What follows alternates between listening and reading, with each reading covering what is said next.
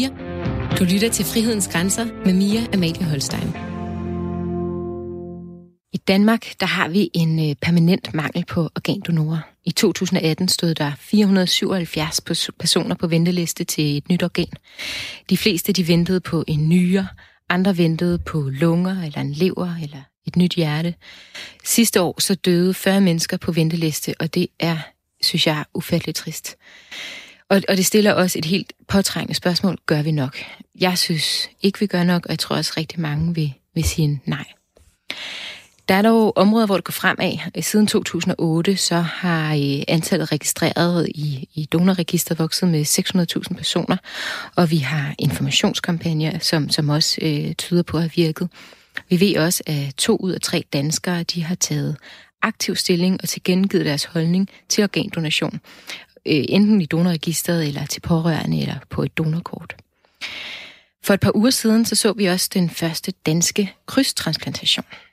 Og krydstransplantation, det er det her, hvor at øh, man øh, hvis man er pårørende til en, som for eksempel mangler en nyre, jamen så går man ind og siger, jeg er villig til at give min nyre til en fremmed, fordi det kan være, at man ikke har et match med den, man er pårørende til, og så kan en anden øh, blive koblet med, som, som måske har et match til, til ens egen pårørende, hvor at de så siger, jamen øh, de er også villige til at lave den her krydstransplantation, og på den måde, så kan man få flere organdonorer.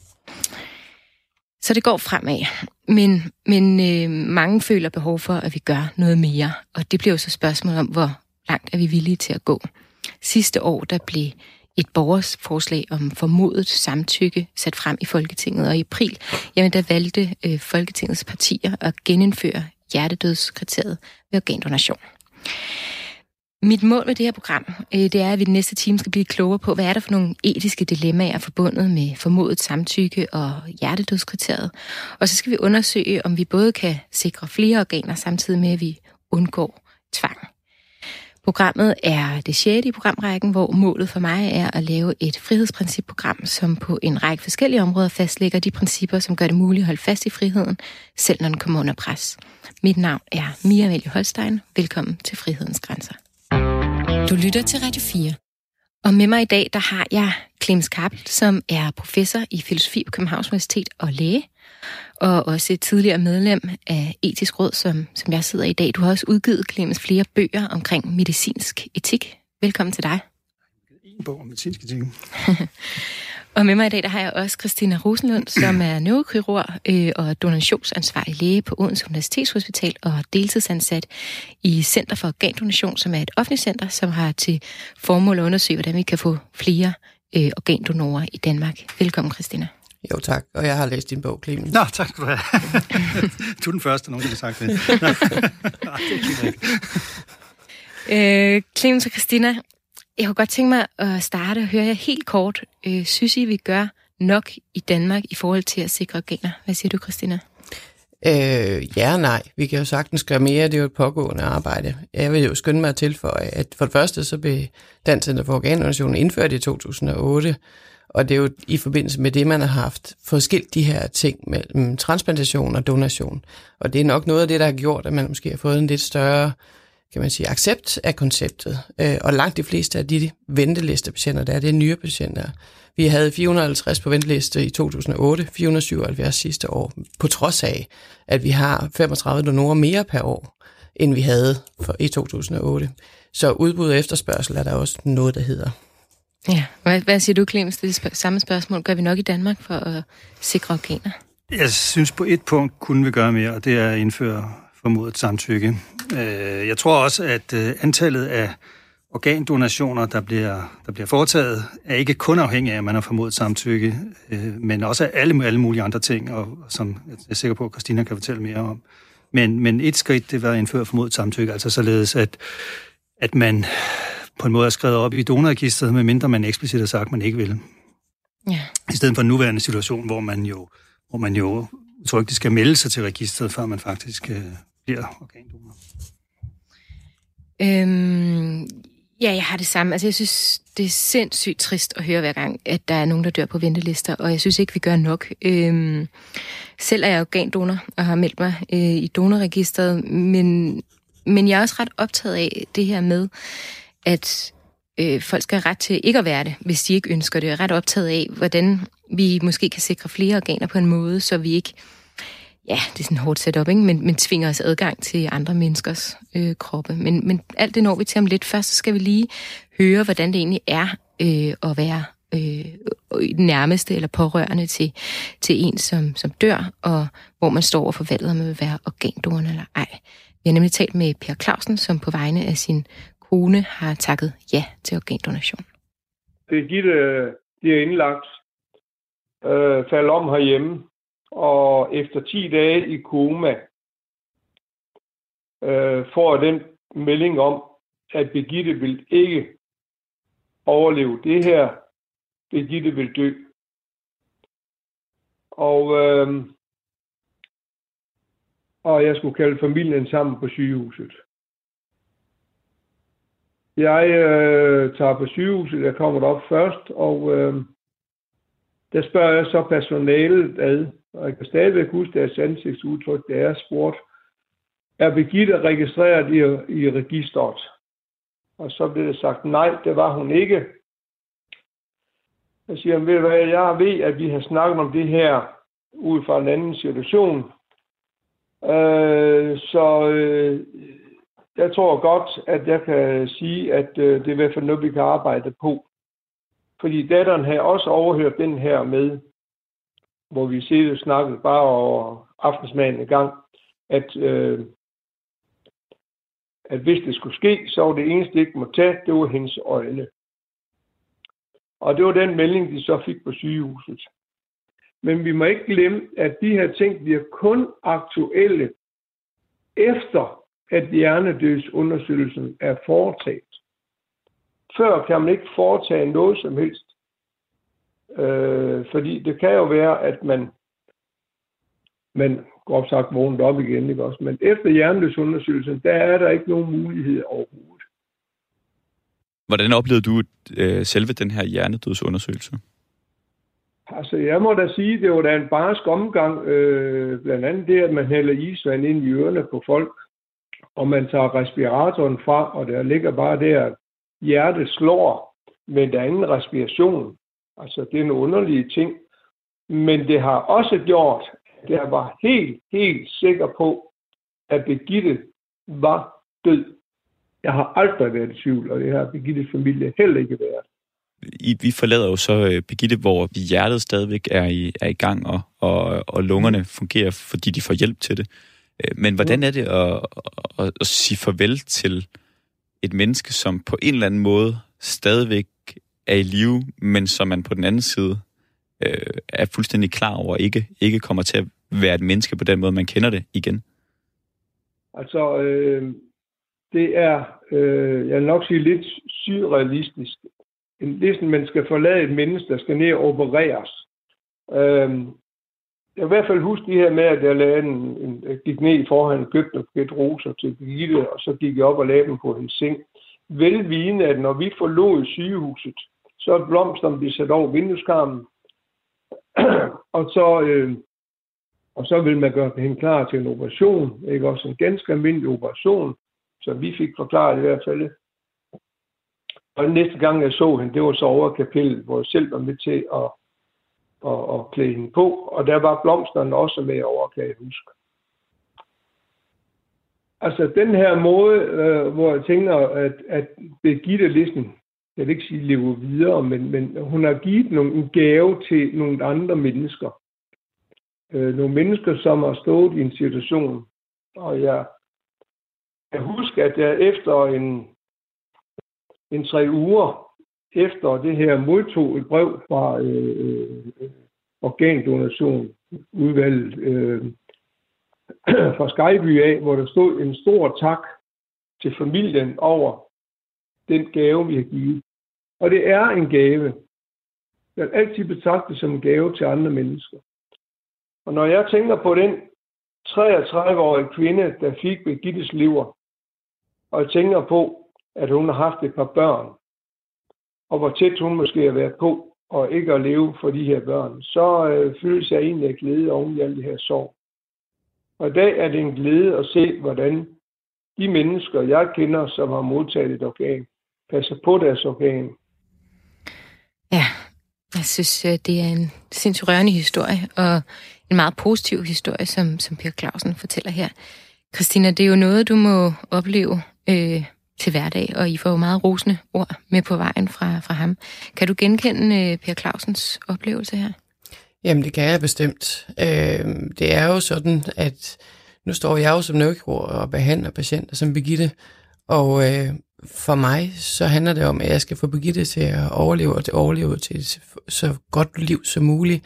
Og hvis ikke det er muligt, så er der ikke noget vigtigere for mig, end at min patient, som er Birgitte, og Per, som er min pårørende, at de kommer ordentligt øh, afsted igen, og at Per får en ordentlig afsked med sin pårørende. Så det er for mig i situationen ikke så vigtigt med de her patienter, som ligger rundt omkring, forstår mig ret, og mangler organer lige præcis i situationen. Fordi selvom vi har organdonation for at hjælpe de her mennesker, som mangler organer, hvilket jo er fokus, jamen så skal man tænke på, at os, der står med det, står med en patient, som skal dø, og en mand, som skal miste sin ægtefælle. Og der er der skal det være noget, der giver mening for dem. Øh, så, så jeg kan fuldstændig genkende det, Pia siger, også i forhold til den tilbagemelding, vi får fra pårørende i det hele taget. Det er jo det, der er vigtigt, det er, at man skal forstå, at det her det er et afskedsforløb, og at organdonationsforløbet i sig selv kan være med til at give mening i det, der ellers er så meningsløst. Det er det, vi hører fra pårørende. Ja, og Christine, kan du også lige skal være helt eksplicit med det der i starten. Vi har sådan et system i Danmark, at det ikke er den samme læge, der står for organdonationsdelen, som det står for, og den, der hjælper. Birgitte, er det ikke sådan? Helt korrekt, helt korrekt.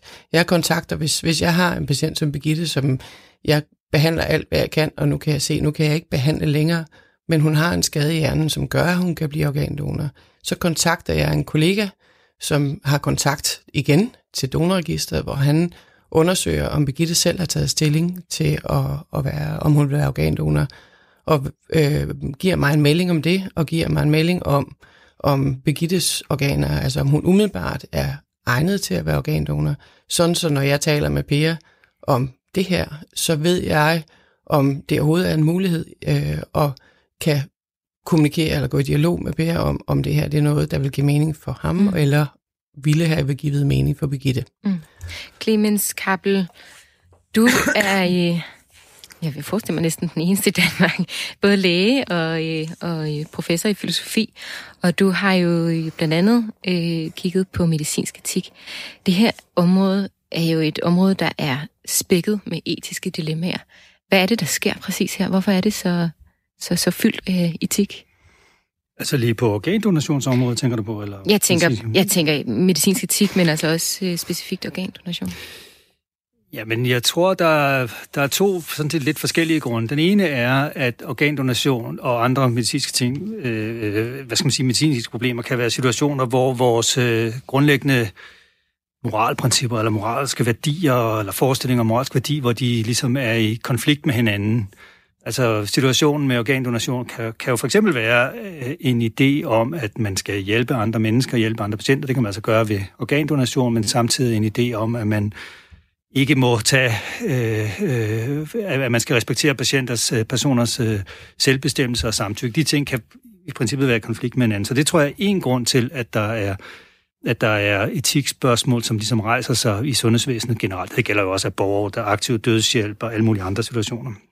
Men jeg tror også, der er en anden grund, som er værd at være opmærksom på, og det er, at øh, vi som almindelige mennesker, der er i de her situationer, synes, det hele er meget ubehageligt og fjernt og, og svært og, og ligesom på en eller anden måde øh, øh, øh grænseoverskridende.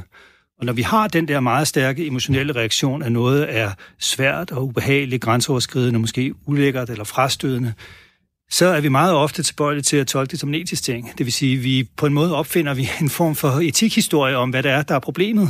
Øhm, og det tror jeg faktisk er medvirkende til, at vi i mange situationer øh, diskuterer etiske problemer. Og så det betyder så også, at vi faktisk diskuterer etikspørgsmål i situationer, hvor der i en vis forstand ikke er nogen. Altså, men der er bare det, at vi ligesom synes, det hele er meget ubehageligt, og så bruger vi sådan etikvokabularet til at på en måde udtrykke vores ubehag. Øhm, og øh, jeg vil ikke sige, at der ikke er nogen etikspørgsmål i organdonation, men faktisk synes jeg, at organdonation er et af de lette spørgsmål. må jeg sige. Det er godt. Det glæder det vi os til, når vi Ja, altså når vi på, på en måde har jeg lidt svært ved at se, altså man, du ved, man har et menneske, som, som indvilder i at få doneret sine organer, man har nogle andre, der kan bruge det, man har et samfund, der har teknologien. Det er en sikker procedure, personalet, som vi lige har hørt, de ved, hvordan de skal håndtere det, så alle øh, så, så pårørende oplever at være inddraget og oplever den fuldstændig meningsfulde ting. Hvad er det etiske problem? Jamen, efter min mening, så er der ikke noget. Vi, altså. vi, vi, vi kigger på det lige om lidt. Du lytter til Radio 4. En af de idéer, som har ofte været bragt frem, når man diskuterer organdonation, det er jo ideen om formodet samtykke. Øh, et af de borgerforslag, der sidste år faktisk opnåede de her 50.000 underskrifter, jamen det var forslaget om øh, formodet samtykke, altså ideen om, at vi alle sammen fra fødslen og per automatik skal være registreret som organdonorer, og man aktivt skal melde sig fra, hvis man ikke ønsker at være donor. Og det adskiller sig altså fra det, vi har i dag, hvor vi har informeret samtykke, hvor at den potentielle donor øh, eller de pårørende øh, aktivt skal give samtykke for, at en donation er mulig. Men borgerforslaget om øh, samtykke, det gik ikke igennem Folketinget. Det blev stemt ned af næsten samtlige partier med undtagelse af det radikale venstre. Og øh, samme skæbne har det lidt øh, været igennem i etisk råd, hvor at det for nyligt øh, blev behandlet. Der var der 14 ud af 17, der var imod det her formodet samtykke, men synes vi skulle beholde den det, det øh, hvad hedder det, øh, informerede samtykke, som vi har i dag. Og det er altså til trods for, at rigtig, rigtig stor andel, øh, jeg har set øh, målinger mellem 50% og 70% af danskerne, går ind for det her formodet samtykke. Og en af de stemmer, der taler for formodet samtykke, det er dig, Clemens Kabel. Vil du ikke øh, fortælle os, hvorfor? Jamen grundlæggende, så, så er det jo et spørgsmål om, at øh, altså, vi skal have en samtykkeform, som respekterer folks frihed, som giver folk valgmuligheder mellem at være organdonor og mellem ikke at være det. Spørgsmålet er, hvordan skal vi indrette den samtykkeform? Skal vi sige, at øh, man aktivt skal melde sig til, eller skal vi sige, at man aktivt skal melde sig fra? Altså begge de samtykkeformer har jo ligesom de samme muligheder. Enten er du organdonor, eller også er du ikke organdonor. Sagen er bare, at hvis man har formodet samtykke, så har man altså flere, der er i skrevet op i registret, end hvis man har aktiv tilmelding. Så sagde du før, at kontrasten var mellem formodet samtykke og informeret samtykke, men det tror jeg på en måde ikke, den er, fordi begge, både formodet samtykke og aktiv tilmelding til registret, er, er jo informeret. Så, så i begge tilfælde der taler om, at borgere har adgang til information om, hvad der er, der foregår. Der er bare, forskellen er blot den, om man ja, aktivt skal tilmelde sig, eller man aktivt skal fremmelde sig. Og så vidt jeg forstod det, så, så, så, så er der en mulighed for at få lidt flere organdonationer, hvis man har et system med aktiv fremmelding til registret, i stedet for et system med aktiv tilmelding. Yeah. Og jeg skal understrege, at øh, jeg, jeg tror, at samlet antal af organdonationer, der kommer, er afhængig af mange, mange andre ting. Og jeg tror sådan set, der er faktorer, der er vigtigere end selve samtykkeformen, nemlig det, som vi sådan set hørte Per Clausen tale om, altså hvordan personale på hospitalet faktisk håndterer den her situation. Øh, men det ændrer ikke på, at formodet samtykke kunne være et element, og derfor synes jeg, man skulle... Okay, så, så jeg hørte dig sige, at du ser ikke rigtig nogen væsensforskel i øh, informeret versus formodet samtykke, men, ikke, men du, ser, øh, du ser på det praktiske, at der er flere, der vil være skrevet ja. op, så du ja. ser flere organer, øh, som, som, som kommer ud af det.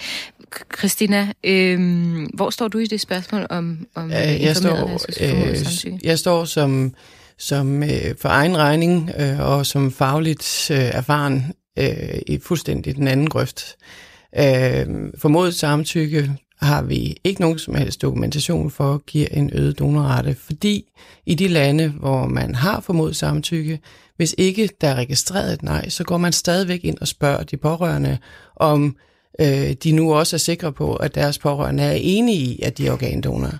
I vores øh, system, hvor vi har det informerede samtykke, der er det en enorm lettelse for de pårørende, hvor patienten selv har truffet stilling og har sagt, at min pårørende skal ikke spørges. Fordi i det tilfælde, så spørger vi ikke om organdonation. Vi spørger ikke om de pårørendes holdning. Vi informerer dem om, at din hustru har truffet beslutning om, at hun gerne vil være organdonor, så det er det, vi kører videre med nu. Nu skal I høre, hvad det kommer til at handle om, og så snakker vi om, hvordan de nu har det med det, og det ene og det andet, men der er ikke noget spørgsmål. De skal ikke træffe nogen beslutning. Hvis det er formodet samtykke, så skal de altid træffe en beslutning, medmindre det er et nej. Og det her med, at vi så henter flere donorer, fordi hvis de så ikke er registreret, eller hvis ikke de har registreret et nej, eller ikke har taget stilling i det hele taget, jamen så er de jo per definition donorer. Det vil være de ganske, ganske, ganske få ulykkelige skæbner, som dør på et sygehus, uden at have nogen pårørende, der kan tage stilling på deres vegne. Og det er meget få. Okay, Clemens. Altså, øh, Øh, jeg kan også mærke, at det, det rammer mig en lille smule, det der med formodet samtykke, men det er, det er nok lidt fra et andet position end Christina, men det er det her med, hvordan kan vi have, at, at hvordan kan vi, hvorfor er det samfundets ret at ligesom påtvinge eller antage en eller anden stillingtagen. Og nu når Christina siger, at der heller ikke dokumentation for, at det øger donorretten osv., hvorfor, hvorfor så alligevel gøre det? Jamen, hvis det Christina siger er rigtigt om, at man faktisk får en lavere donations, færre organdonationer ved formodet samtykke i forhold til informeret, i forhold til, til aktiv tilmelding, hvis det er rigtigt, og det er sådan ikke nogen grund til at betvivle, så synes jeg faktisk ikke, man skulle lave formodet samtykke. det, det mener jeg virkelig ikke. Og det, altså, sagen, sagen er, at øh, fordi jeg kan sagtens se, jeg kan sagtens se rationalet, ikke? at, øh, at øh, hvis man bare har det her meget på en måde lidt tynde formodet samtykke, ja, så synes man i praksis, man er nødt til at spørge de pårørende, og så bliver det altså dem, der bestemmer, og så kan man virkelig få langt færre organer ud af det. Mens hvis man har et, øh, et aktivt samtykke, så får man alligevel flere, der selv har taget stilling, og så, som Christina siger, så kan man sådan set øh, skære de pårørende ud af processen. Om det sidste, altså vil man virkelig gøre det, hvis de pårørende ja. er meget, meget imod det? Men altså, det, det, det ved du jo, det kan ja, jeg ikke Det ved jeg, at ja. vi har ganske, ja. ganske, ganske få, som alligevel har sagt nej. Og der vil jeg sige, der, hvad gør, hvad ud, fra de, alle de, altså ud fra de ting, vi sådan har mm, indblik i, så handler det nok lige så meget om måden, der bliver kommunikeret på det på. Ja, ja. Og hvor man netop spørger de pårørende, i stedet for at konstatere, at det er det, vi skal. Fordi det er det, der er svært, det er det, vi hører fra de pårørende, som jo alt andet ja, lige er, er eksperterne. Det forstår jeg godt. Ja, ja. Det er beslutningen, der er svært, ja, ja. tror jeg. Men og, altså, det kan godt være, det er lidt, det er lidt hypotetisk spørgsmål, ja, men alligevel nysgerrig. Altså, hvad nu, hvis der er en situation, hvor I siger til de pårørende, jamen, den afdøde her har sådan set taget stilling, så nu vil vi informere jer om, at der skal ske en organdonation. Og de pårørende så siger, at det vil vi overhovedet ikke være med til under nogen omstændigheder. Jeg vil sige, at øh, hvis det er, det, det sker jo, øh, jeg har ikke været udsat for det, Nej. men det sker, og hvis det sker for mig, så vil jeg, og for de kolleger, jeg nu øh, kender til, jamen så vil man forfølge det, fordi øh, når man altså sidder i den situation... Fortsætte organdonationen? Nej, forfølge det, det nej, de så siger, fordi øh, det handler jo egentlig om at ture, øh, og det er tit det, det handler om, tror jeg, at det hele taget øh, med det her område. Det handler om at ture til fat i det, som egentlig er øh, det, man er bange for, eller det, man er ked af. Og sige, øh, jamen, det lyder som om, det er noget, der ligger der meget på sinden. Øh, har du tænkt over, hvorfor øh, hun nu har truffet den beslutning, når du nu er så stærkt imod det? Så man får en dialog, og ofte så sker der jo det, Øh, vi får jo også de her spontane nejer. Altså hvis ja. man spørger til organdonation ved en, der ikke har truffet beslutning, så siger de spontant nej. Og det viser sig ofte, at det, de siger nej til, det er egentlig ikke organdonationsforløbet. Det, de siger nej til, det er, at de skal miste en. Det er, at de er på intensiv. At det er, at de skal træffe beslutninger om noget som helst. Ja. Og når man så kommer i dialog, så er der mange af dem, som så siger, nå jo, det giver egentlig meget god mening, og hun var jo sådan og sådan, og det ja. ville hun jo gerne. Okay, så det du, hvis man skal være spidsvinklet lidt, så lyder det som om, du siger, at når pårørende siger nej i de der situationer, så kan I sagtens overtale dem til at sige ja alligevel. Ja, for det, det er vigtigt. Ikke for, ikke ja. for os, men for ja. dem. Fordi de fleste, altså der, ja. hvis man har skrevet testamente, så, så, og det er det jo, hvis man har skrevet testamente, så respekterer man det. Så derfor så er det, altså, og det er ikke et issue i virkeligheden. Men det vil så, sige, altså både i den situation, at, at den afdøde ingenting har sagt, og i den situation, at den afdøde har sagt, at vedkommende vil være organdonor. Hvis de pårørende der siger nej, så overtaler I dem til, at de siger ja alligevel. Nej, nej, det gør vi ikke. Hvis, hvis de har et velbegrundet nej, så kunne vi aldrig drømme om at, øh, at, at stille spørgsmålstegn ved det. Men hvis det er et nej, som kommer, hvis man siger, nå, jamen øh, nu skal vi så finde ud af, hvad der så skal ske her. Øh, vi kan jo så enten afslutte respiratorbehandling, eller også alternativt mulighed for donor, eller for organdonation. Det er sådan den korte version, og lidt ufølsom sagt. Mm. Men men øh, hvis de så siger nej, det kan vi slet ikke være med til, inden de overhovedet ved, hvad det er, de siger nej til, eller hvorfor, så spørger jeg, jamen det lyder som om, det er noget, I har tænkt over. Hvordan, øh, hvordan kan det være? Sådan så de kommer med en, en begrundelse, fordi det, der er vigtigt, og det kan jeg også godt finde på at men, sige, men, det er, men, der, jeg vil lige sige ja. det her, det, der er vigtigt, det er, øh, de skal vide, at det her det er en beslutning, der ikke kan laves om. De skal kunne leve med den her beslutning om nogle måneder også. Det skal være sådan, så når de ser tilbage på det, så var det den her beslutning, jeg skulle træffe og det er det, der er vigtigt for os. Men Christina, det virker som ret svært balancegang også nogle gange, fordi så, jeg, jeg kan helt følge dig i dem, der siger ja, og dem, der siger nej, klart, der må man følge det. Men så der må det også være en stor... Øh, altså, der er jo mange af os, der, der kan risikere at ende i den situation lige pludselig, uden vi nogensinde havde tænkt det helt til ende, og der kan det være, øh, fordi der er så mange følelser op i os og alt muligt andet, det der nej, øh, måske ikke er så tydeligt et nej. Mm. Og, men, men hvordan? Altså, man skal jo finde frem til det, de oprigtigt øh, har det godt med på sigt og vil vælge, og så videre, ja, ikke? Det er. Altså, det må være en enormt svær samtale, det der. Det er det også. Det er også derfor, det er en specialistopgave. Men selv for spe- specialister, ikke? Fordi man kan jo næsten ikke rigtig... Altså, Nej, fordi det er dialog med et andet menneske. Og grunden til, at det er svært for en læge at sætte sig ned og tage den samtale, det er fordi, vi er vant til at træffe beslutningerne. For det kan godt være, at vi inddrager pårørende og inddrager patienterne i, hvad for nogle beslutninger der er, skal der træffes om, hvilken behandling er bedst. Men i sidste ende, og specielt når det handler om at afslutte behandling, det er jo aldrig nogensinde pårørendes beslutning at afslutte en behandling. Det er vores. Ja. Men i det her tilfælde, der er det de pårørende, der skal træffe beslutningen, mm. og vi skal stå som, kan man sige, facilitator for, at de kan træffe den beslutning rigtigt på et informeret grundlag. Mm. Og et informeret grundlag er ikke, nu skal I høre, I vil ikke behandle din hustru mere, nu skal hun dø, og der er mulighed for, at hun kan blive koblet fra respiratoren, og hun vil blive donor. Hvad synes I om det? Mm. Det er ikke et informeret grundlag. Et informeret grundlag er, at de ved, hvad indbefatter det her. Ja. Og det skal man være i stand til at formidle på en ordentlig måde, mm. øh, og med de behov, som lige præcis de her pårørende har. Clement, jeg kunne godt lige tænke mig at vende tilbage til en ting, og det er jo fordi, at øhm, jeg kan godt forstå, at du reagerer på det der med, hvad, hvad er i virkeligheden effekten af, at vi laver en formod, formod samtykke mm. eller ej. Men, men jeg synes også, der ligger et helt principielt argument, jeg godt kunne tænke mig at, at dyrke. Altså, jeg, jeg står der, hvor jeg tænker, øh, jeg ejer min egen krop, også efter døden.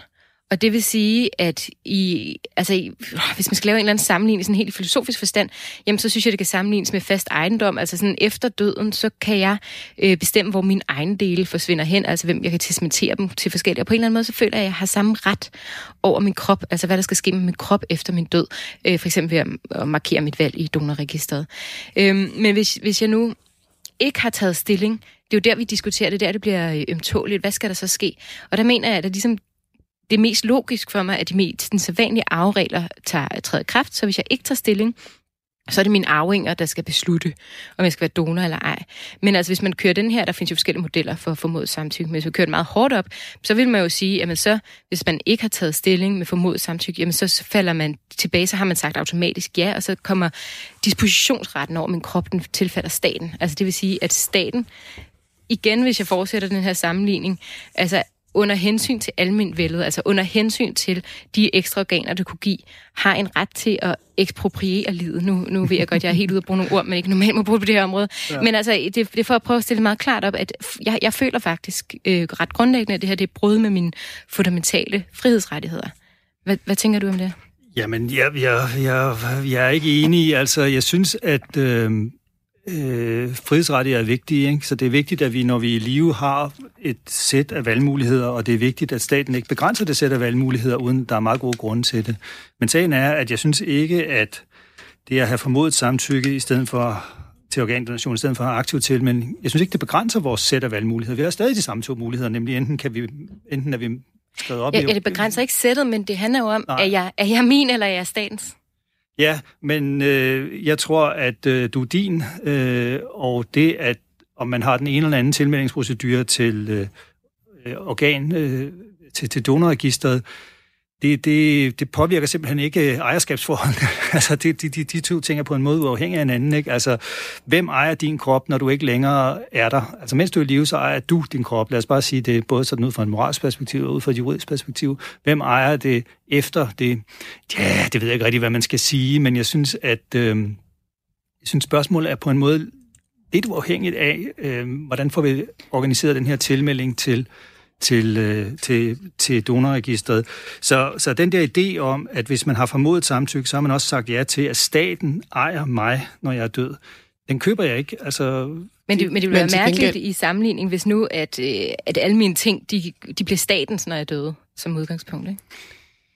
Jo, men Jamen, jeg, jeg ved ikke, om det er statens, altså, øh, fordi du har, altså, du, du bliver ved med at sige, at hvis man har formodet samtykke, så er man på en eller anden måde statens. Øh, øh, nej, hvis man er ikke statens, men hvis man har formodet samtykke, så går staten ud fra, at man har samtykket til en organdonation. Mm, men det, det er sådan betyder ikke, at staten default. ejer kroppen. Jo, men det er, bare, det er bare, hvad vi lægger som default, der kan jeg bare godt lide, og øh, ja, at, at det er en selv. Ja. Christina, du vil ind med en kommentar. Jamen det vil jeg, og det er fordi, når man nu snakker om de her sådan lidt mere overordnede etiske overvejelser i den sammenhæng, så må man også sige, at hvis man har formodet samtykke, så sætter man også borgeren i den situation, og hvis man har en eller anden form for spirituel, religiøs holdning til, at organdonation er noget, som som man måske synes øh, godt kan se samfundsmæssigt er ok, men jeg kan i min spirituelle, religiøse et eller andet overbevisning ikke se, at det er noget godt. Så jeg ønsker hverken at modtage et organ eller give noget. Så er man dermed en dårligere samfundsborger. Fordi her i landet, der er vi organdonorer, og øh, hvis du ikke vil, så skal du så sige nej. Øh, og det er så øh, okay, hvis ikke det kan være anderledes. Altså man får et, et man får nemmere et stempel som, at her i landet, der er vi organdonorer. Når så du er ikke organdonor, du er ikke med i lejen. Øh, så det giver også en, en risiko for, at samfundsborgeren føler sig forpligtet på en uetisk måde, hvis I forstår, hvad jeg mener. Men jeg tror, Ja, det bliver, altså, det bliver en... Hvis jeg må kommentere ja. det, altså det er på en måde enig og på en måde ikke enig i. Altså det er rigtigt nok, at hvis staten, jeg, jeg mener, jeg er enig i, at hvis staten laver et system med formodet samtykke, så sender staten selvfølgelig et signal om, at, øh, at det på en måde er den, den rigtige holdning at, at, at være donor. Men jeg mener også, at, øh, at argumenterne for at være donor er så overbevisende, så, så jeg synes egentlig, det er meget rimeligt, at staten sender det signal, og så skal man sige, det er ikke staten, der gør det, det er det demokratiske flertal, det er befolkningen i landet, der siger, at vi vil gerne have et system, hvor vi ligesom siger til hinanden, okay, vi, vi, vi synes, at øh, man, skal være, man skal være donor, det er sådan set det rigtige, men det er klart, der skal også være en mulighed for ikke at være det, ikke? så det, det er det signal, der, der sendes, og, og i den forstand, så har man taget en moralstilling, men Ja. det synes jeg er ok. Og, og det, blev, det blev lige det sidste ord i den her debat, fordi vi skal, vi skal videre. Du lytter til Frihedens Grænser med Mia Amalie Holstein. Ja, fra øh, et tiltag til et andet øh, i forhold til organdonation. Øh, for nu skal vi nemlig videre til at tale om hjertedødskriteriet. Den 30. april indgik næsten alle partier i Folketinget med undtagelse af nye borgerlige en aftale om at genindføre hjertedødskriteriet, når det kommer til organdonation. Jeg tror, at der er rigtig mange af os, der ikke rigtig har hørt om det, fordi det er noget, det har ikke været op at vende i Folketinget, det er noget, man kan indgå en aftale om øh, som partier. Men det bliver altså vedtaget med udgangspunkt i den forventning om, at øh, antallet af donorer her i landet over tid vil kunne øges med mellem 20 til 40 procent. Christina, helt kort, vil du ikke lige starte med sådan bare give en lyndefinition på, hvad er forskellen på hjertedødskriteriet og hjernedødskriteriet? Ja, men forskellen, den står i sundhedsloven, øh, og forskellen er øh, faktisk ikke til stede. Det er kun spørgsmålet om, hvordan man stiller dødsdiagnosen. Men selve det at dø, det gør man kun på en måde. Det er sådan, så når i sundhedsloven står der, at hvis du skal være død efter hjertedødskriteriet, det er det, som man i anførselstegn ser som den almindelige død, hvor man ser, at patienterne holder op med at trække vejret, og, eller ens person holder op med at trække vejret, og hjertet holder op med at slå, og man bliver bleg og kold. Det er sådan den gængse forstand af døden. Øhm, der skal det ifølge sundhedsloven være sådan, så der skal være uoprettelig ophør af al hjerteaktion og al vejrtrækningsaktion, øh, aktion, han har sagt, vejrtrækningsevne. Og den sidder i hjernen. Så hjernedødskriteriet og hjertedødskriteriet er en og samme ting, sådan at forstå, at når man er død, så er man død, og man er død på den samme måde hver gang. Det er bare en procedure, der er anderledes i forhold til, hvis man skal have donation, så er det en procedure, der er anderledes. Øh, fordi ved hjernedødskriteriet, der bliver man ved med at være på respiratoren hele tiden. Man er død, men det er respiratoren, der trækker, for vejr, trækker ens vejr, øh, og det er øh, væsker osv., og, og det her ilt, der kommer rundt i kroppen, der sørger for, at hjertet bliver med at slå. Men, Hvis- men hvorfor indfører man, altså der, der må være en forskel, altså hvorfor, Der er også en forskel. hvorfor indfører man det her hjertedødskriterie? Er det, er det for at få flere organer? Ja, det er det. Øh, det man gør, når man har øh, øh, den cirkulatoriske død, øh, som vi vælger at kalde det, fordi det er ikke en, fordi hjertedøden er også det samme som hjernedøden, øh, det, det er, at man kobler respiratoren fra og venter på, at hjertet går i stå, og så starter man organdonorprocessen derefter. Så, så selve proceduren er anderledes. Man starter også hjertet op igen, gør man ikke? Øh, det kan Altså, man, hvis man kunstigt. skal anvende hjertet. Hvis man skal anvende hjertet, så Ja. gør man, ellers så gør man ikke. Så man, man, da- altså det, jeg, det, det er bare fordi, jeg spørger fordi, jeg talte med en transplantationslæge, som beskrev det. Jeg synes, det lød lidt hårdt for mig. Øh, han beskrev det sådan, at med hjertedødskriteriet, så lader man patienten dø, for derefter genopleve patienten, så organerne kan blive fjernet. Men det er retorisk forkert. Ja. Øh, fordi der, man kan ikke genopleve en død. Når man er død, så er man død. Og man kan kun Og det er det væsentligste, og det er den vigtigste opgave for alle dem, der arbejder i sundhedssystemet, øh, som altså, man skal tænke på, at den almindelige borger kender ikke forskel på Kim Skabel i forhold til det her, og på mig i forhold til det her. Hvem er os, der er mest eksperter på, hvornår, altså hvordan procedurerne er i praksis, øh, og står med fingrene nede i fadet, om du må undskylde mig udtrykket. Mm. Øh, så den vigtigste opgave, vi har som folk med en øh, en eller anden form for tilknytning til sundhedsvæsenet, det er at tale ordentligt om det her, øh, og tale ud fra den viden, vi har. Fordi fejlinformation er den vigtigste årsag til usikkerheden. Mm. Det, vi, hvad, hvad, det vi, hvad tænker du omkring det her med, at altså, vi indfører det for at få flere organer? Øhm, er det en lidt omvendt tanke, altså det der med at sige, at vi har brug for et nyt dødskriterium, fordi vi har brug for flere organer? Altså det, det er ikke et nyt synes, dødskriterium, det, vi har det samme dødskriterium, som vi har haft altid. Det er proceduren, der er anderledes. Ja, vi indfører i hvert fald hjertedødskriteriet mm-hmm. øhm, for at få flere organer. Altså vil du... Altså det er jo bare øh, ret Øh, jeg er helt sikker på, at I står der og har den døendes øh, interesse øh, for mm-hmm. øje. Øh, men, men på en måde kan det godt sådan sende lidt mærkeligt signal, det her med, at øh, vi ændrer, øh, vi indfører et, ja, igen indfører et hjertedødskriterie, fordi vi har brug for flere organer. Der er det noget lidt omvendt i den tanke. Hvad tænker du om det? Ja, men, øh, men man kan sige, det var jo det, man gjorde i gamle dage. Og, og vi har jo undersøgelser fra udlandet, hvor man har kørt med øh, donation efter cirkulatorisk død, altså hvor hjertet bliver stoppet. Det er de samme patienter som dem, vi ser i dag, hvor man afventer, at hjernedøden indtræder. Altså hvor mm. man har afsluttet behandlingen, de skal dø af deres, mm. deres skade. Øhm, men så hjernedør de ikke, de opfylder ikke hjernedødskriteriet. Men det er patienter, som dør, det er ikke nogen, som muligvis ville kunne overleve en lille smule eller noget. Ja.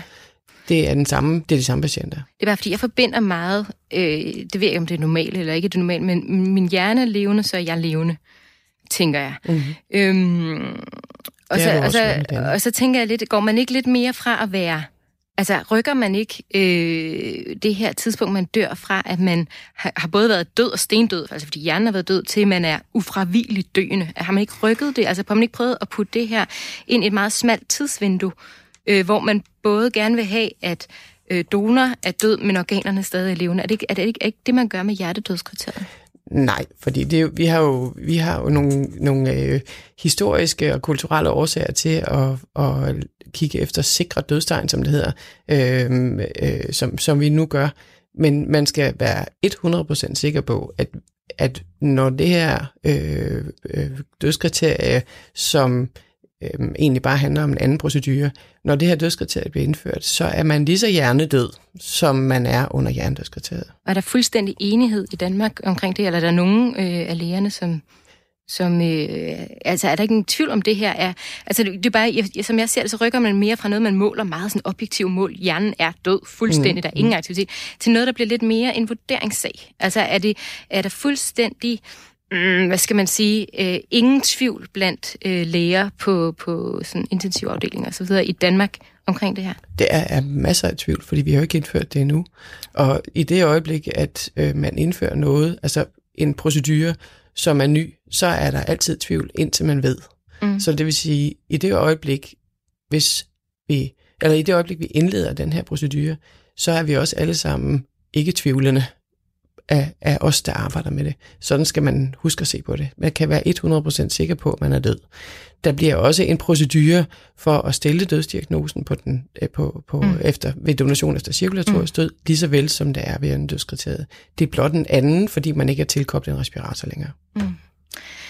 Øhm, jeg kunne godt tænke mig lige at afspille et klip, øh, vi har lavet med en... Øh, overlæge på neurologisk afdeling ved Oslo Universitets sygehus. Og grund til, at vi har taget fat i Norge, det er fordi, at de har øh, haft gang i det her mm. med mhm. hjertedødskriteriet, men de har stoppet det, fordi de har sagt, at de gerne vil have en offentlig udredning på det. øhm, og øh, jeg kan godt tænke mig lige at afspille dig for, hvad, hvad han siger om det her. Og jeg tror, at um, en, noe av kritikken mot, mot DCD, eller hjertedød, det er, kommer fra intensivleger og andre som føler at enten føler seg utrygge på om eh, de hjertedøde pasientene virkelig er ordentlig døde, eller at de føler at dette med hjertedødsdonasjon på en måte kan komme inn som en, en, en kompliserende faktor i en, i en, noen ganger ganske vanskelig dialog med pårørende eh, rundt en pasient som er i ferd med å dø. Eh, så um, det hjernedød, så er det på en måte litt takknemlig for legen ved at da er Da kan man uh, føle seg veldig trygg på at pasienten er død, og det er ikke noe mer man kan gjøre for å redde pasienten. Vi vet også det at pasienter som har hjertestans, uh, at de kan overleve med mye bedre resultater enn det vi trodde tidligere. Ja, så det han siger her, det han siger, at øh, jeg tror, at noget af kritikken mod hjernedød kommer fra intensivlæger og andre, som enten føler sig usikre på, om øh, de hjertedøde patienter virkelig er ordentligt døde, eller om de føler, at øh, dette med, at øh, hjernedødsdonation øh, kan komme ind som en komplicerende faktor i en øh, mm. nogle gange ganske vanskelig dialog med den pårørende til den patient, som er i færd med at dø. Og så siger han, ved hjernedød øh, er, på det, er det på en måde sådan mere taknemmelig for lægen, øh, fordi man kan være veldig tryg ved, at patienten både er død, og at der ikke er mere at gøre for at hjælpe patienten, men vi ved også, at der er øh, ja, øh, at, at det ligesom er slut der. Og grunden til, at han siger måske det her med den komplicerende faktor, det har været sådan lidt i tvivl om, hvorfor det er en komplicerende faktor i forhold til dialogen. Men det er det der med, at man, dog skal gå ret kort tid fra en person, en person er hjertedød, til man skal spørge omkring organdonation. Så han siger, i hvert fald i Norge, så har der været nogle nogle øh, tvivl omkring det her. Og så, og så kom jeg bare til at tænke på, jeg, jeg sad og læste lidt op på det her med, der er åbenbart et princip, øh, som hedder Dead Donor Rule, altså et princip, som man har brugt øh, siden øh, starten af donationen, som handler om, at en donor både skal være død og stendød, øh, før at, øh, at man går ind og, og laver de her donationer. Det, jeg, jeg kan bare ikke lade være med at se, er det ikke som om, at øh, den her Dead Donor Rule, den lemper vi lidt på, eller vi i hvert fald siger, at det er nogle andre kriterier, der er brug for, Øhm, det, jeg hørte dig sige helt i starten af programmet, det er jo det her med, at øh, punkt et, vi, vi har et princip om, at vi handler ud for den enkeltes bedste, altså mm-hmm. den, mhm. der ligger på briksen foran. Og punkt to, så hører jeg dig sige, at øhm, øh, hvad hedder det, hjertedøde skal også have lov til at blive donorer. Mm-hmm. Altså, men, men er det ikke lidt et andet princip end det her dead donor rule? Er det en bevægelse, vi er i gang med her? Eller hvordan ser du det i forhold til at gå fra hjernedød til hjertedød? Nej, stadigvæk. Jeg, jeg bliver nødt til at sige, det her det handler om viden. Det her det handler om, at øh, også som nordmanden siger, de har jo haft øh, donation efter cirkulatorisk død i Norge. Det er blevet, de har kørt det som et øh, pilotprojekt øh, på et par sygehus, øh, på universitetssygehus i, i Oslo. Øh, og det var en lille øh, afmålt gruppe, der gjorde det, og det havde de, de fandt ud af, hvordan skal det her gøres, hvordan er det med pårørende, og pårørende synes faktisk, det er rigtig, rigtig fint. Øh, og så tænkte man, det gør vi i hele Norge. Og så glemte man at tale med kollegerne, og det er generelt det, der er et issue. Det er, at vi skal sørge for, at de sundhedsprofessionelle er ordentligt rustet til det her. Sådan så man ved og forstår, at øh, forstår, hvad det er, der sker. Så dem, der er tættest på, ved alt om proceduren, og dem, der er lidt længere ude, forstår og accepterer og kan indse, at man er rent faktisk død når man bliver donor. Men Christina, så, han siger jo ikke det noget med at, glemme at tale med, don, øh, hvad hedder det, mm, glemme at, at tale med, mm. med dem omkring. Han siger, at, at der er intensiv læger i det miljø i Norge, mm. som, øh, hvor at de er i tvivl om, om de hjertedøde patienter virkelig er ordentligt døde. Og der går de vel ja. ud, der tænker han vel på det med hjernen, ikke? om den er i gang på en eller anden måde. Nemlig. Altså, så skal man sætte sig ind i, hvornår man er død. Og som Men det er jo siger, lidt i lægerne, det må de da vide. ja, men det er fordi, vi jo traditionelt, så, øh, så kan man sige, det er jo en selvopfyldende profeti, hvis, man, hvis hjertet stopper, og man ikke gør noget ved det. Så dør man jo, og så kan vi alle sammen være trygge ved det. Folk dør jo dagligt på sygehusene, og de falder desværre om på gaderne med hjertestop, hvor man ikke kan genopleve dem, øh, osv. Men det her med, at patienter kommer tilbage igen efter at være hjertedøde, jamen det er jo patienter, som ikke er, er døde det er jo patienter, som bare har fået et, et, et eller andet påvirkning i hjertet, som har gjort, at det går i stå, og så kan man genopleve dem. Men en patient, som er uaf, altså ufravilligt døende, dør uanset hvad vi gør. Og det her, det er det samme, altså som dem, der bliver hjernedøddonorer, øh, der bliver de her øh, så bare øh, øh, donorer efter, efter hjertestop, hvor man ikke er på respirator, men det er et kontrolleret hjertestop. Det er ikke dem, der falder om ude på gaden, og vi siger, nå, ja, jamen så tager vi da ham ind og, og tager organerne ud på ham. Det er kontrolleret, under kontrolleret forløb fuldstændig på lige fod med hjernedødskriteriet. Det er bare en anden procedure. Og usikkerheden i Norge blandt intensivpersonalet er den samme usikkerhed, som også rører sig i Danmark, mm. og som vi skal, til, som vi skal have, have sikret os, at ja. vi kan få elimineret, før vi starter det her. Så, ja. så vi går ikke i gang med det her, før alle er med på, hvad er det for noget, og man kan være helt sikker på, at man er altså død, når man er ja. donor. Ja, fordi øhm, det man jo selvfølgelig er nervøs for, det er, om det er lægens vurdering, der i højere grad er i spil her, i forhold til, når man er ufravillig døende og så videre. På ingen måde. Øhm, Clemens, Clemens, jeg kunne rigtig godt tænke mig at, at, at høre dig. Øh, hvordan, hvordan ser du nogle etiske dilemmaer i, i det her skifte? Jamen, jeg, som jeg sagde før, jeg er faktisk ikke sikker på, at der er et etisk dilemma. Jeg tror, at denne her idé med at lave organdonation ved cirkulatorisk død snarere end ved hjernedød, øh, øh, er, er en udmærket idé, og jeg tror ikke, at det er risikabelt i noget betydeligt omfang. Så den forstand, så tror jeg faktisk, det er en meget god idé. Øh, men jeg tror på den anden side også, at øh, altså, det er noget, man nemt kan blive i tvivl om, hvad der egentlig er, der foregår her. Øh, jeg, jeg er ikke helt enig med Christina, når hun siger, at det er bare et spørgsmål om viden, og så er der ikke nogen som helst tvivl. Altså, fordi da jeg sidder og læser på det, så, så, så, så synes det jo være sådan, at øh, man, man sætter altså den her procedure i gang, mens patienten er i live i den forstand, at hjertet slår. Så kan man for eksempel lægge, øh, lægge, øh, lave, lave venøs adgang, så man kan så at man kan indgive øh, blodfortyndende stof, således at efter hjertet holder op med at slå, så kan man stadig øh, putte, øh, putte medicin i patienten, således at blodet ikke koagulerer, som, som, så, sådan at alle organer bliver ubrugelige. Det vil sige, at allerede inden patientens hjerte holder op med at slå, så sætter man træffer man den her beslutning om, at man laver organdonation og, træ- og laver de forskellige forberedende foranstaltninger, hvorefter man så slukker for respiratorens behandling, så at patientens hjerte holder op med at slå. Og hvis der så, det står så også i, i, i øh, Center for Organdonationsrapport om det, hvis det så skulle ske, at patientens hjerte alligevel ikke holder op med at slå, men ligesom bare fortsætter, så afbryder man forsøget. Så afbryder man processen. Jeg synes alt sammen, det her det er utroligt fornuftigt, øh, og jeg tror, det er den rigtige måde at gøre det på. Men jeg kan nok godt forstå, at, at folk ligesom skal tænke lidt over, hmm, hvad ja. er det egentlig, der foregår ja, her? Og så er, vi tilbage, så er vi tilbage, der bliver jeg nødt til at kommentere, jeg beklager. Øhm, så er vi tilbage ved viden. Fordi det her med, at man afbryder øh, hele processen, det er fordi, der er et kriterie for, hvor lang tid øh, hvad hedder det, øh, man kan være koblet fra en respirator og have en ikke optimal ja, det funktion. Jeg, det og derfor, så når man afbryder processen, så er det ikke, fordi man ikke dør, og at hjertet ikke går stå. De går bare ikke i stå inden for den tidsramme. Men, men det er jo lige præcis den usikkerhed, Christina, som ja, vi har. Det, det, det, det, det, vil, det vil så sige, at det, det, må jo, det kan jo opleves som en situation, hvor man har i gang sat en organdonationsproces, men patienten er faktisk ikke død alligevel. Jo, ikke? Det er sådan, det kan opleves, patienten dør. Patienten er u dør bare ikke lige nu. Ikke? Altså, vi dør alle sammen, ikke? men patienten dør bare ikke lige nu.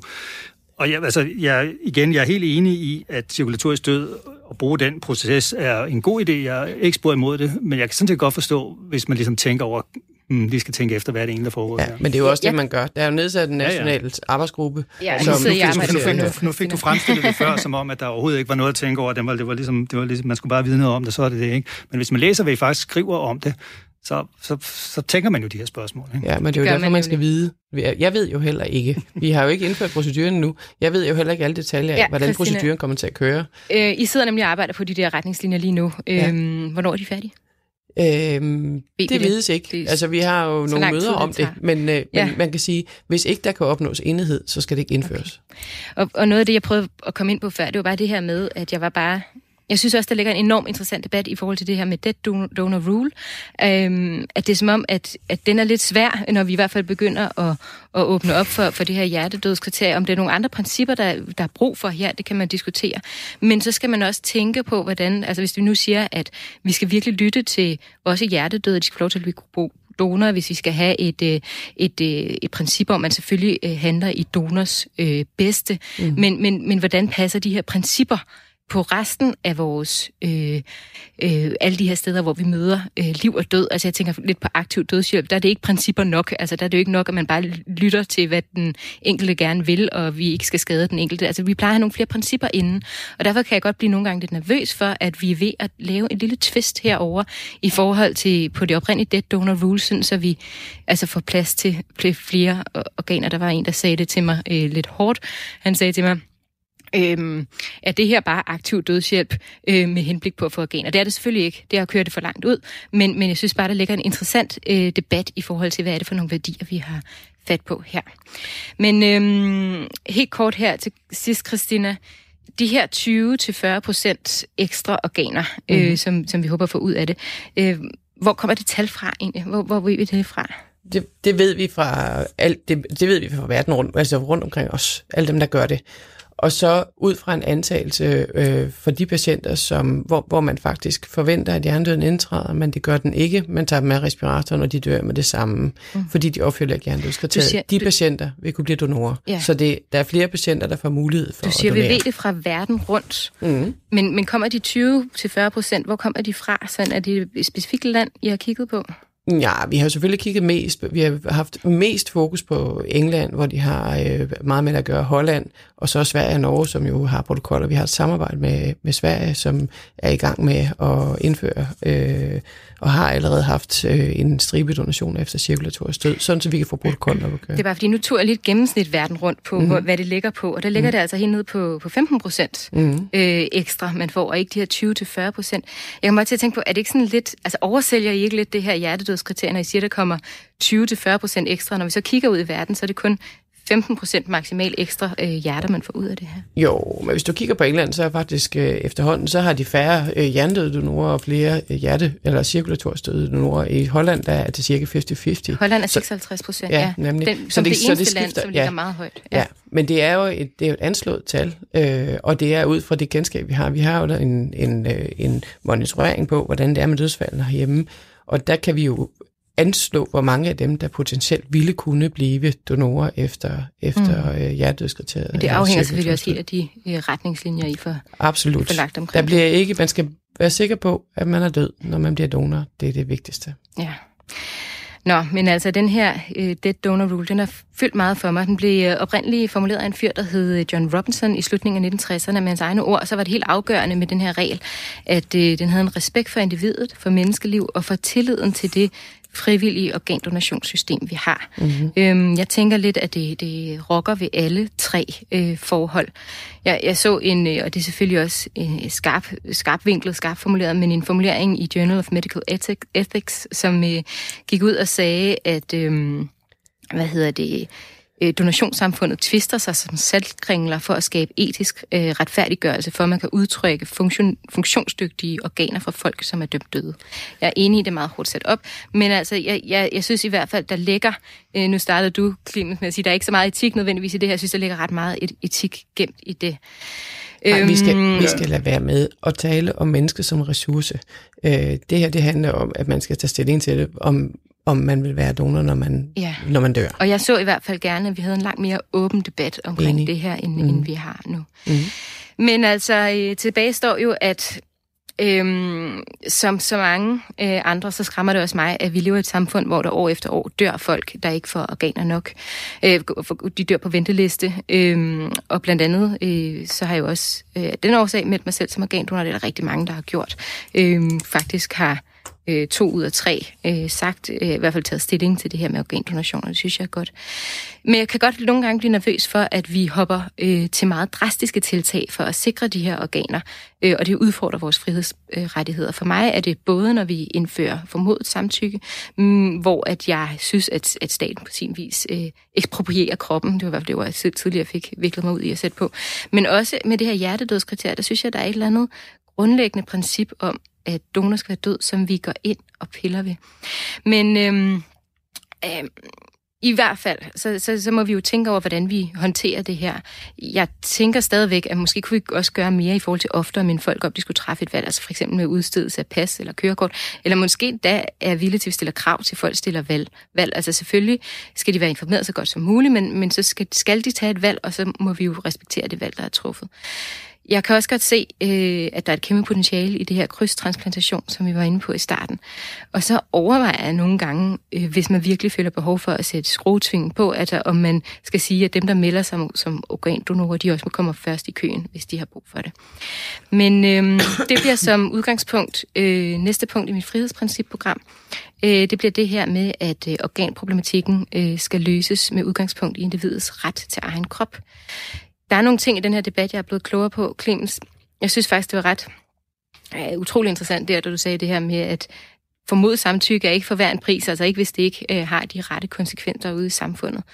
Øhm, og, og selvom du sagde, at etik ikke fylder så meget, så synes jeg alligevel, at vi kom meget godt rundt det. Og Christina, jeg synes også, det var rigtig, rigtig, rigtig dejligt at have dig med i forhold til at, at sige, at der faktisk er nogen Øh, det er der jo rigtig mange ting, men der også her på det her område er noget tvivl og noget debat, og I sidder og er i gang med at løse det så, så godt som muligt. Med det der vil jeg sige til dig, Clem Skarpe, og til Christina Rosenlund, tusind tak, fordi I kom og delte jeres tanker med os i dag. Og til alle jer, der lyttede med, jeg vil rigtig gerne høre, om I har noget, I mener, vi har overset i debatten, eller i mit frihedsprincipprogram, eller hvis I har idéer til fremtidige programmer, jamen så skriv til os på frihed radio4.dk. Men det så er friheds, frihedens grænse slut for denne gang. Til rettelæggelsen stod Jeppe Rets Husted for, og mit navn er Mia Amelie Holstein. Vi vender tilbage i næste uge på Genhør.